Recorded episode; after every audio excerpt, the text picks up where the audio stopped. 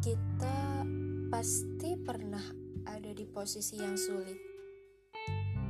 Mau memperjuangkan, tapi gak semudah yang dibayangkan.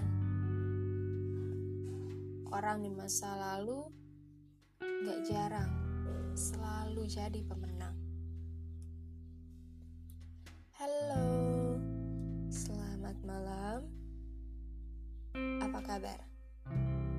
Sehat selalu dan bahagia ya.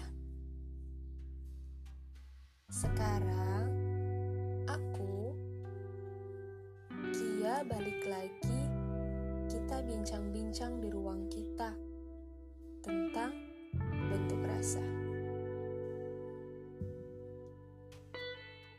Oh iya, prolog tadi kayaknya udah jadi halumrah banget ya. Mewakili perasaan orang-orang yang selalu terjebak di hati seseorang yang selalu dejavu sama rasanya yang dulu. Atau bahkan masih terjebak dengan orang yang bareng-bareng sama orang itu di masa lalu. Gak ada salahnya kok kita menaruh rasa sama siapa aja. Tapi salahnya aku terlalu percaya bahwa kamu bisa mulai hal baru bareng aku. Padahal kamu masih rindu sama masa lalu.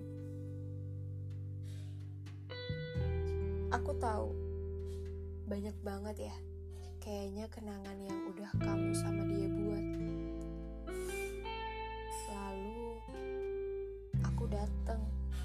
di saat waktu yang gak tepat. Aku memang suka. Ya, aku juga memang sayang. Tapi aku gak bisa jadi kayak dia. Yang sampai kita udah berdua pun, dia masih selalu jadi pemenang. Di hati kamu. Kita memang gak bisa paksakan rasa. Gak bisa egois buat merubah sesuatu yang belum saatnya buat kita. Aku di sini cuma pengen bilang kalau nanti kamu udah lupa sama dia, jangan lupa kabarin aku ya.